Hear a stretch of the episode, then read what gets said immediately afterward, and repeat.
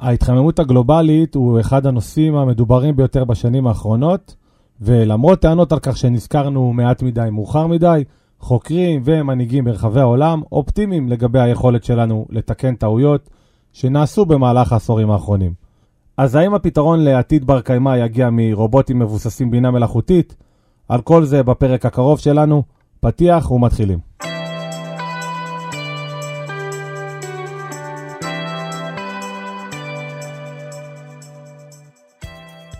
אז אה, שלום לדוקטור חן גלעדי, מרצה במחלקה להנדסת מכונות בקמפוס אשדוד, ב-SCE, המכללה האקדמית להנדסה, על שם סמי שמון. שלום, מה שלומך? שלום, נעים להכיר. אה, תודה, ש... תודה שאתה איתנו. אה, אז אנחנו נתחיל מ... מהמושג או אחד הנושאים החמים של השנים האחרונות, שהוא ההתחממות הגלובלית. באחד הפרקים גם שוחחנו על זה עם פרופסור עדי וולפסון מהמכללה. אמ, אז אני רוצה שננסה קצת לפרק את המושג הזה לרגע. אמ, מה היסודות שהביאו להתחממות הגלובלית ומה התוצאות שאנחנו עתידים לראות בעתיד הקרוב, נקרא לזה. אז הנושא התחיל בעצם באיזשהו ויכוח בעולם המדע, האם ההתחממות שהתחלנו לצפות בה מתחילת המהפכה התעשייתית הוא אכן אה, מעשה ידי אדם. ובאותה תקופה גם היה את כל הנושא של הנפט, ואז הנפט הלך והתחזק, וכמובן שאנחנו תעשייה מבוססת אה, נפט. כל הטכנולוגיות, כל הבסיס שלנו באותה תקופה מ-1850 ועד כמעט היום, אנחנו היום עדיין אה, הנפט הוא זה ששולט, mm-hmm. והיום זה כבר ללא צל של ספק, מעשה ידי אדם. הם כמובן עשו את כל המאמצים הנדרשים כדי לבוא ו... לנסות לגרום לנו לחשוב שזה בסדר, אבל היום אנחנו יודעים שהמצב לא טוב. לפני חמש שנים בערך היה לנו את ההתכנסות המרשימה של רוב המדינות המובילות בעולם, בפריז, ושם באמת באו והציגו את הקונסנזוס שכבר יש בעולם המדע, שאין צל של ספק, הכל, ההתחממות הזו נובעת ממעשה ידי אדם, ובעצם אנחנו בעצם תיארו את זה מהסיבה הגורם המרכזי מבחינה מחקרית, שתיקף בעצם את הבעיה, זה בעצם על כמות המזהמים שאנחנו פולטים, mm-hmm. במגוון דרכים. המזהמים כולם מזהמים שונים, אבל יש את הסקאלה הזו שהיא בעצם על הסקאלה הזו מתבססים ומדברים כל הזמן, וזה בעצם הפחמן הדו-חמצני, אבל יש מזהמים שונים. אז הפחמן הדו-חמצני ועוד מזהמים גרמו לכך שאנחנו יודעים עכשיו מה הבעיה.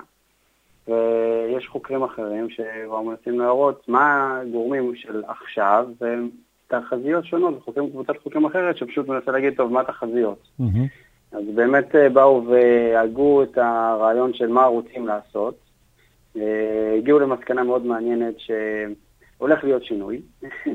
והשינוי הזה יפגע בנו, זה בטוח, זה כבר לא משהו שאי אפשר למנוע, יש כבר תהליכים שפשוט ארוכי טווח, אה, כמו עליית מפלס פני המים, אה, פני הים עקב נגיד המסת קרחונים, אלו תהליכים שהגבוהי הזמן שלהם מאוד מאוד ארוכים, מאות שנים עד אלפי שנים, אה, ואנחנו והצאצאים שלנו לא יזכו לראות אותם, נקרא לזה מחלימים עקב פעולות בני אדם, כן. בקרוב.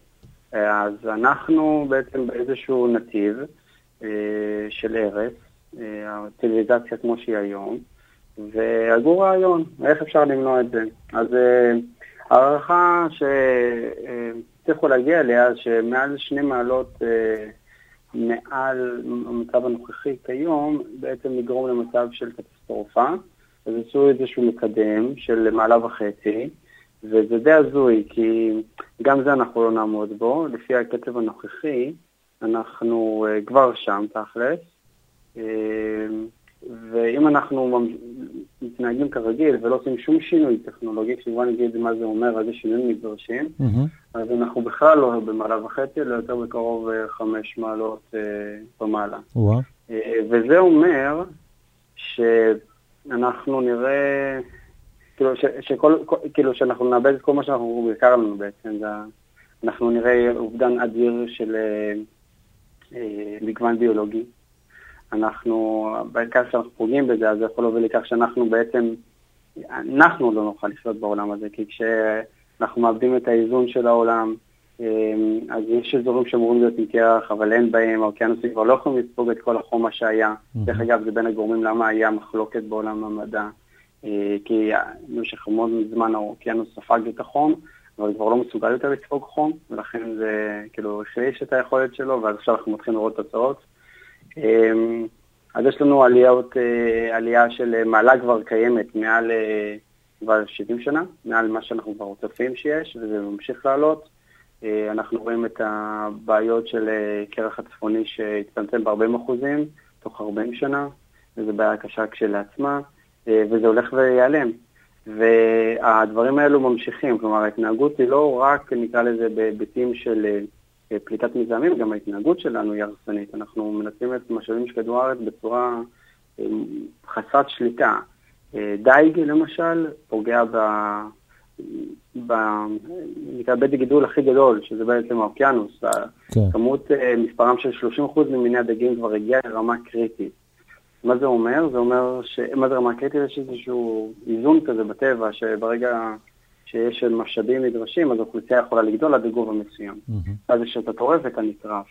וברגע שמגיע לרמה קריטית, אז היכולת של אותה אוכלוסייה להשתקם, הוא אה, הולך ומצמצם בצורה דרסטית מבחינה הסתברותית, ואנחנו אה, צפויים לאבד את אותו המין.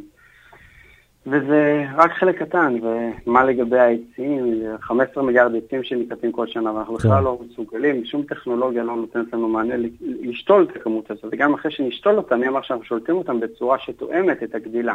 כן. נורא חשוב להבין שגם אם אני שותל את אותו עץ, 15 מיליארד עצים אחרים, במקום, במקומם זה לא ייתן את המענה הנדרש. אנחנו צריכים מגוון של עצים, mm-hmm. כדי שזה יהיה מגוון. כלומר, רק השתילת עצים זה בעיה טכנולוגית שאין לנו שום יכולת הנדסית לעשות אותה בצורה נכונה.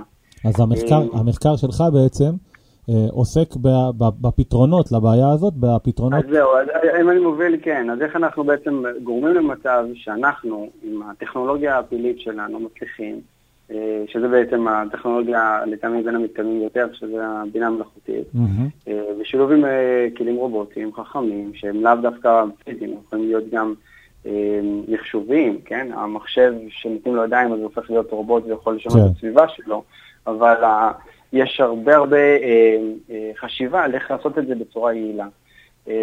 אני נותן בדרך כלל הרצאות בתחום הזה וקורא לזה העוזרים שמנקים את ספינת החלל שלנו. Mm-hmm. ואני תמיד מגיע למסקנה הבודדת שבעצם אנחנו כבני אדם לא יכולים לנקות אותו, והרובוטים שנבנה לא יספיקו לעשות את המשימה הזו בזמן. אנחנו לא יכולים כי, כי הזמן עבר וה... גדול עלינו, מה שנקרא? כמו, אז זה הולך ככה, כדי לעמוד במשימה שהציבו שם בפריז, שהיא סבירות נמוכה, אנחנו צריכים להגיע למצב שאנחנו מקטינים את כמות הפליטת חמצן שלנו בפחמן דו-חמצני בחצי, שמונה שנים, ועשור לאחר מכן קרוב לאפס. אנחנו לא שם. אין שום, אין, שום, אין שום אה, שינוי של נהוגי מדיניות, ואנחנו מבחינה התנהגותית ותרבותית כן. אה, לא שם. אז אנחנו צריכים עזרה. אז אנחנו, העזרה היא לא מתבטאת בכך שאנחנו, אה, אני ואתה נדבר, זה, או שקבוצת אנשים תעשה קולות, ו, כן. או קבוצ... זה, זה קצת יותר מורכב.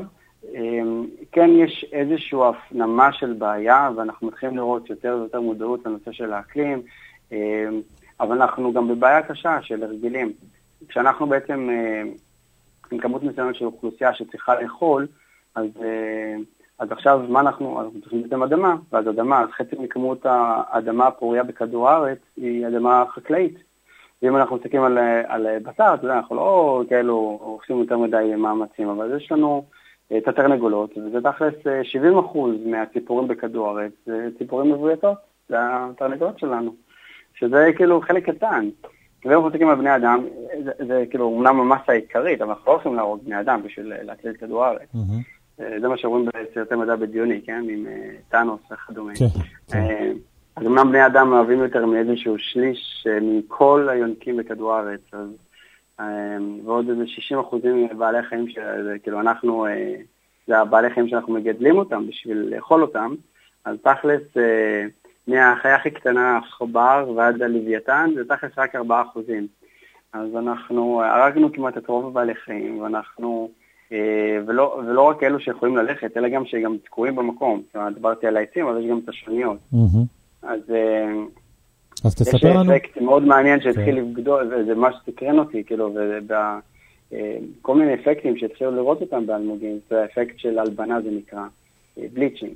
האלמוגים פתאום נהיים לבנים. התחילו לחקור איך הם נהיים לבנים, מה הסיבה לשינוי צבע שלהם, בסופו של דבר הבינו שהם מתים. אז התהליך הזה נובע בעיקר מהתחממות, מגלי חום.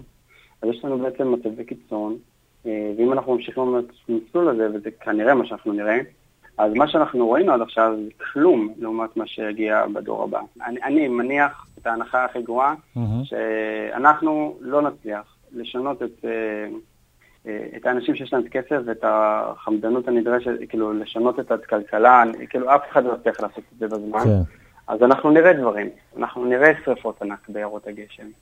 אה, בגלל שהוא נקרץ יותר מדי, ובגלל שלא אין יותר מדי לחוץ, שאנחנו עושים אותו, אז אנחנו כן נראה יותר אה, ערבות ויותר מדבריות, וכן נראה שינוי במחזור המים העולמי. אז כשאנחנו נראה את השינוי במחזור המים העולמי, כי יהיה פחות גשמים, כי כדור הארץ מתחמם. אז איך אנחנו יכולים להיעזר בעצם בטכנולוגיה כדי להקטין את זה, אוקיי? או לנתב מחדש ולהתאים את, נקרא לזה, את הבני אדם ואת הסביבה ככה שזה יחזיק את זה. Okay. אני אוקיי. ואתה נאבד בטוח, כאילו אני ואתה לא בשלב הזה של החיים שאנחנו די בוגרים, אבל הצאצאים שלנו בטוח לא יחיו כמו שאנחנו חיינו. ואז השאלה איזה סוג של התאמות צריכות להיות פה. כדי שהדברים האלו יקרו. אפשר לצמצם, אני מאוד בעד לצמצם, אבל הטכנולוגיות של היום ועד הזמן שנצליח לצמצם יהיו, אה, זה מאוד מאתגר. אז, אה, אז איך עושים בעצם רובוטים, שברגע שיש למשל שרפה, הם ידעו לזהות את זה בצורה אוטונומית ולא צריך לשלוח אה, צוותים, ולהילחם בזה בטכניקות מתקדמות, כמו עם סאונד. אלו הן פעולות מחקריות אה, מאוד מעניינות, שהן נחקרות בעוד מקומות אה, בעולם, אה, נגיד לכבות שפה באמצעות רעש. זו פעולה מאוד מעניינת של עצמה, אם אתה יכול לעשות דבר כזה, אז אתה יכול לקחת צי של רחפנים לצורך העניין, ולנגן את המוזיקה הנכונה בתדר הנכון, ואתה יכול די לשקף את השרפה מבלי להשתמש בשום טיפת מים. אוקיי. Okay. אז זה מחקרים שהם בעצם מובילים לאיזושהי טכנולוגיה ייחודית שיכולה לאפשר להם למנוע את הדבר הזה. ואם אנחנו מדברים נגיד על אה, שהקוטב הצפוני ייוותר בסופו של דבר ללא קרח בקיץ, אז uh, הבעיה היא שללא קרח כמות פחותה יותר של אנרגיה שמש תשתקף חזרה לחלל. Uh, ואז המהירות של כדור הארץ יתחמם עוד יותר עולה. אוקיי, אז אתה צריך את הקרח. אז אתה צריך, אבל אין לך את הקרח, אתה צריך טכניקה אחרת שתדמה את האפקט הזה של החזר. אז אתה יכול להשתמש בעצם בטכנולוגיה של בנייה של מבנים, מבני ענק בחלל, אה, שזה גם חלק ממה שאני אה, עובד עליו, okay. איך, אוקיי. איך עושים קונסטרוקציה אה, גדולה בחלל, כדי שתוכל לאפשר בעצם לבנות, כאילו, שם זה בעצם לטעמי בין הפתרונות הכי גדולים, mm-hmm. שינוי של להסיט אנרגיה סולארית, ובעצם לנתב אותה מחדש למקומות נכונים. אם מסתכלים נגיד על כמות העצים שאנחנו כורתים, זה לא בגלל רק בנייה של דברים מאיקאה, whatever, או כן. זיתים, אלא בעצם לחימום. אז אם אתה מצליח לבוא ולייצר solar based, space solar based power station כאלו ענקיים שיכולים לנתב את האנרגיה אה, חזרה לכדור הארץ בצורה של גלי מיקרו, מייקרו אה, כאלו, אז אתה יכול בעצם לנתב אה, אנרגיה לאותן נקודות נחוצות, כל מיני אזורים לא אורבניים, שבעצם מאפשרות, ואז זה מאפשר להם בעצם להשתמש בחשמל. אתה יודע, זה, מה... אתה יודע, כן, זה, נשמע קצת, זה נשמע קצת מדע בדיוני, אני רוצה לשאול כמה זה באמת ריאלי, כל הדברים האלה שאתה אומר, כמה הם באמת ריאליים לקרות, נגיד, בחמש שנים הקרובות. מאוד, okay. אוקיי. מאוד. כבר יש היום סטארט-אפים, יש היום כבר חברות פרט למחקר, שהם כבר עושים אה, האבקה באמצעות טכנולוגיה, נגיד החלקים המאבקים שנעלמים, שזו בעיה בפני עצמה. כי אנחנו מבססים את כל החקלאות שלנו, חרקים מאביקים, בגלל החום כנראה ייעלמו. אז הנה, זו דוגמה למצב קטסטרופלי בהיבט של אה, אה, משק האוכל בעולם. אז עכשיו אנחנו נצטרך להשתמש בכלים אחרים. אז כבר היום יש סטארט-אפים שבתחום הזה, שמנסים לקחת את הטכנולוגיות והבשילו במעבדה לכדי תוצר עסקי נכון. אז הפתרונות נוספים שאתה יכול לראות כהתחלה, הם לא הפתרון הסופי, אה, זה בשר מתורבת. אתה, כבשר עצמו אתה יכול לגבל, אה, כאילו, זה בין, האמת, בין הפתרונות הכי בולטים שאפשר לעשות זה בעצם אה, לשנות את התפריט שלנו. אבל אנשים לא יפסיקו לאכול בשר, אז יש המצאה חדשה שקוראים לה בשר מתורבת. אבל הבעיה עם בשר מתורבת היא בעיה שהיא... היא בעיה בעצמה קשה, כאילו, הרי לגדל את הבשר בצורה שתהיה מספיק טעימה, ומצד אחד, מצד שני גם הוא צורך מספיק אנרגיה, אז כאילו זה לא הפתרון הכי טוב שלנו כרגע, אבל בין הפתרונות הטובים. Mm-hmm. המים שאנחנו צורכים הם כאילו דרישה אדירה, אז עכשיו איך אתה צריך לבוא ולהתפיל. אז עכשיו היופי בכל העולם הזה של הבינה המלאכותית זה למשל, אם אנחנו נרצה לבוא ולהנדס, לצורך העניין אה, הנדסה פשוטה של מתקן אה, אידוי מחודש, כן. לעשות אופטימיזציה נכונה למצב, באמצעות חומר וכדומה, אז לנו כבני אדם, להנדס מכונה כזו זה לוקח הרבה משאבים, אבל אה, למחשב זה עניין של מה בכך, ויש כל מיני מערכות היום שעושות אה, בעצם אה, ייצור ג'נרטיבי. אמ, אז יש לנו בעצם את כל התשתית הזו, נקרא לזה, של טכנולוגיה, של, כדי להחזיר את היציבות בכדור הארץ. Mm-hmm. אז אז אם אנחנו נגיד נחזיר את המגוון הביולוגי, אז זה אומר שאנחנו צריכים בעצם לוודא שאנחנו מגיעים למצב שכשלכל מין, הרי אמרתי אז בהתחלה שלכל מין בכדור הארץ, הוא מגיע לאחר זמן מסוים לאיזה מקסימום כמות פריטים. זו אותה כמות אוכלוסייה שהיא על כמות המשאבים שמזמינים לה. אוקיי. Okay. וזה למשל משהו שאנחנו יכולים לבוא ולכמת אותו ולהעריך אותו. אז אם נגיד לצורך העניין אנחנו נקטין את כמות אה, גדילה של בני אדם, אה, ואז אה, זה נקבע פשוט על בסיס התפתחות של מדינה, ככל שאנשים ילמדו יותר, אז הם יביאו לפחות ילדים. אז אחד הפתרונות שיש במעבדה שלי זה בעצם לבנות רובוט דמוי אדם שיעזור בהיבט הלימודי. אוקיי. Okay. פיזית, הוא יכול לעזור לקבוצת תלמידים. והטכנולוגיה הזו בבסיס שלה תוכל לעזור גם לאנשים במדינות מתפתחות. Mm-hmm. כך שאותם אנשים במדינות המתפתחות, שהם עדיין לא בחרו בתרבות חיים המערבית, שמאוד מזיקה לכדור הארץ, כמו שאנחנו יודעים, יבחרו להביא פחות ילדים וכבר עוזר לכדור הארץ. אנחנו עוזרים להם לצאת מהעוני, מצד אחד, כי הם יוכלו לדעת אם הידע שהם רכשו יקבל גישה לטיפול רפואי גבוה יותר, אז השיפור של החינוך אה, יגדל, אז בעצם נוכל לאזן את הגדילה של האנושות. זה כבר דבר ממש משמעותי. אוקיי. אנחנו מדברים, אנחנו... אנחנו מדברים הרבה על רובוטים, אבל בעצם מה שחשוב זה לא הרובוטים, נקרא לו הרובוט יהיה הידיים, הבינה המלאכותית, זה מה שחשוב, זה בעצם המוח שמפעיל את הכל. זה שילוב של שם, כי אם אתה תעשה רובוט שיעלה הרבה כסף, אז זה לא טוב. אתה צריך לעשות רובוט שיעלה מעט כסף ויהיה מספיק חכם כדי לעשות גם וגם. Mm-hmm. זה איזון של דברים, זה האוכל והלמידה והאנרגיה כמובן. אם אנחנו אה, אה, נשתמש בכלים אנרגטיים אה, שיקחו פחות אנרגיה, אתה יודע, אני משתמש במזגן, כי זו הטכנולוגיה שלנו כרגע. וגם אתה כנראה בחדר עם מזגן, כן. אבל הטכנולוגיה הזו היא לא יעילה אנרגטית. אנחנו כולנו יודעים שכמות האנרגיה שהמזגן צורך היא מהווה נתח נכבד מהחשבון חשמל החודשי שלנו. ואין לך טכנולוגיה אחרת, אתה כן תרצה להתקרר בחורף, ואתה כן רוצה לשמור על רמת חיים. הדגש הוא אתה רוצה לשמור על רמת חיים מבלי שתגדיל את ההשפעה על העולם. אז איך אתה מגדיל את רמת החיים בגלל ההשפעה? זה דרך טכנולוגיה חכמה יותר.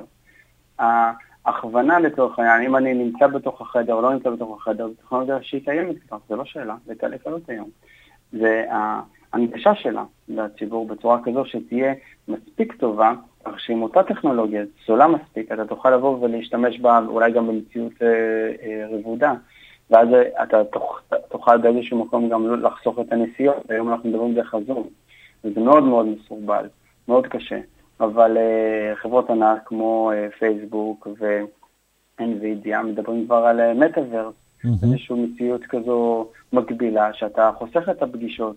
וברגע שאתה מצמצם את כמות הנסיעות, ואנחנו כולנו יודעים מה המשמעות של זה על... אה, נכון. Uh, אז התהליך של השאיפה היא לייצר אנרגיה בצורה יותר טובה, זה אחד מהדרכים. אז אתה יודע, יש לך את המקורות טבע הנצחיות של הטבע, אור שמש, רוח, מים, אנרגיה גיאותרמית, דברים מעניינים שאפשר לעשות שם. אנחנו רק בהתחלה של זה. אנחנו צפויים לראות בעוד סדר גודל של 20 שנה אנרגיות מתחדשות, שכאילו שזה מה שישלוט בעצם, זה המקור כוח העיקרי שיהיה בעולם, ויש היום אמ, אה, שאיפה לבנות גם ערים יותר נקיות, יותר שקטות, הן כן יהיו יותר מאורות, mm-hmm. כי החשמל יהיה יותר זול, כי אנחנו משתמשים גם בחשמל יותר יעיל. אבל כל השילוב הזה של השימוש בכלים של בינה מלאכותית, ביחד עם רובוטיקה, כדי לייצר יותר טוב ולהנגיש את הטכנולוגיה, זה יכול לעשות מה, מהפכה מאוד רצינית. אוקיי. Okay. אמ, אני, רוצה, אני רוצה לפני סיום, אני רוצה אה, לדבר איתך משהו שקצת דיברת עליו, אבל בשיחה המקדימה דיברנו על אה, מחקר שאתה מבצע ממש בימים אלה, ש, שקשור לשתילת יערות. אז תוכל לספר לנו קצת על המחקר והקשר של זה לטכנולוגיה? כן, אז העיקרון אומר איך אנחנו בעצם מקנים לרובוטים את היכולת אה, לקחת חפץ פשוט ובעצם לאחוז בו בצורה אחרת, פשוטה. Mm-hmm. אז השינוי אחיזה היום, כמו שהוא היום, הוא מאוד מסורבל, והיום אנחנו רואים רובוטים בפסי ייצור, אבל בגדול מה שהם עושים, הם עושים אה, מה שנקרא pick and place, הם פשוט תופסים חפץ ופשוט בשביל לשנות קונפיגורציה שלו, אחיזה, הם פשוט משנים אותו במקום אחר. אז זה משהו שמשותף לכל הרובוטים, אבל אני ואתה יכולים בקלות לקחת איזשהו אה, פרי או לקסוף איזה משהו ולשחק אותו בידיים ולהקפיץ אותו ולקפוץ אותו, וזה לא משנה אם זה פרי או כלי אחר, ובעצם לעשות מניפולציה. אז אחד מהדברים המאוד מהותיים לי ולך מבחינת ההתממשיקות שלנו עם חפצים אחרים בעולם, והשאלה עכשיו איך עושים את הדבר הזה ומעבירים את זה לרובוט בצורה כזו שתהיה רלוונטית. אוקיי. Okay. אז um, המחקר בעצם עוסק בעצם באיך לוקחים את הידע שלנו על הסביבה, על הפיזיקה, על איך הדברים מתבצעים בעולם, ומאפשרים לרובוט פשוט, עם זרועות פשוטות, בלי להסתבך יותר מדי עם יד מורכבת, ומאפשרים לו בעצם לעשות שינוי לאותו חפץ, כך שהוא יכול להיות יגיע לקונפיגורציה הנכונה. Mm-hmm. אז ה...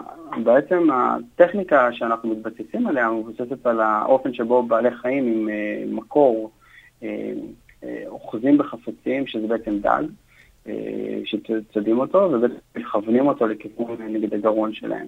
אז איך הם מבצעים את זה? אז עשינו אנליזה של זה, ובעצם פיתחנו אלגוריתם שיודע לקחת כמעט כל חפץ מבלי שהוא יודע, לה, מכיר אותו, ולשנע אותו מחדש. אז זה נחמד, כי אני יכול להשתמש באותה טכנולוגיה גם בשביל לשנע ולמיין דברים בפס אה, אה, כפסולת. אתה יודע, המוצר שאנחנו קונים, הוא מתחיל את המסע שלו מהחציבה של המשאבים, כמו שאמרתי, וזו סדרה ארוכה של שינוע, וכל בדרך הוא גזר חממה, בסופו של דבר המוצר גם מסתיים באיזשהו מזבלה, ועכשיו צריך למחזר אותו. אנשים במחזור כמובן לא עושים את זה בצורה אופטימלית, כי זה ככה עוד משימה ועוד פעולה, וכן יש חשיבות לדעת למחזר. אמ, אז הטכנולוגיה הזו שיכולה לקחת החפץ הזה, בלי שהוא יודע מה הוא, איך הוא נראה, ומה פעילות המסה שלו, ופשוט לאחוז אותו ולשנות לו את האחיזה ככה שהוא יוכל לו לעשות עם זה משהו, זה ממש משהו יסודי, וברגע שאנחנו נדע לפתח את זה, אז הרובוטים יוכלו לקבל את היכולת הזו, וזה יגדל בצורה אקספוננציאלית. הבנתי. אז uh, השימוש בכלים מהסוג הזה יכול לעבוד גם uh, בתחום של, uh, של שתילת יערות, כמו שאמרת. Uh, המחקר עצמו מתעסק בזה ובמפוקס, כן, על הנושא של שתילה והנושא של uh, מניפול, כאילו, מניפולציה לווייסט, כשאנחנו בעצם איך עושים את המיון. Mm-hmm. אבל בגדול הטכניקה הזו יכולה להיות רלוונטית גם לעוד תחומים מאוד. אם אנחנו מדברים על תחום של המזון שלנו בבית, אז אה, זה, שוב פעם, זה חפצים מאוד קשים. אני מביא לך מלפפון או איזשהו אה, ירק חדש, אתה אף פעם לא אכלת אותו, אתה לא יודע איך הוא נראה, כאילו, אתה יודע איך הוא נראה, אבל אתה לא יודע איך המסה שלו מפולגת. כן. יכול להיות לך רעיון, אבל אתה מצליח לסובב ולאחוז ולחתוך אותו, ואז אחרי החיתוך הוא משתנה לגמרי. כל ההתפלגות מסה שלו משתנה, אז האחיזה שלך צריכה להשתנות.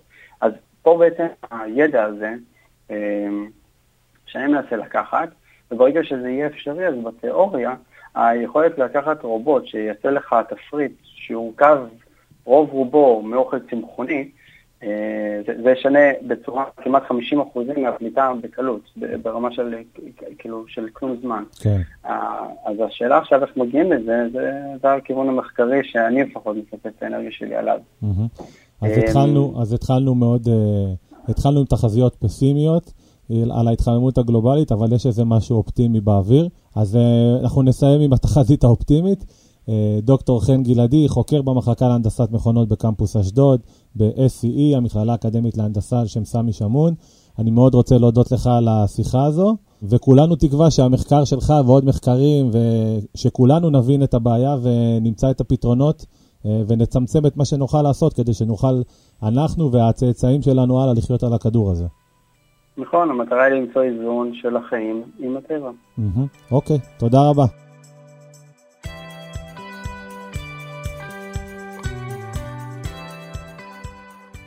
ואני מזמין אתכם המאזינים להאזין לפרקים הנוספים שלנו בערוץ הפודקאסט של המכללה, ונשתמע בפרק הבא.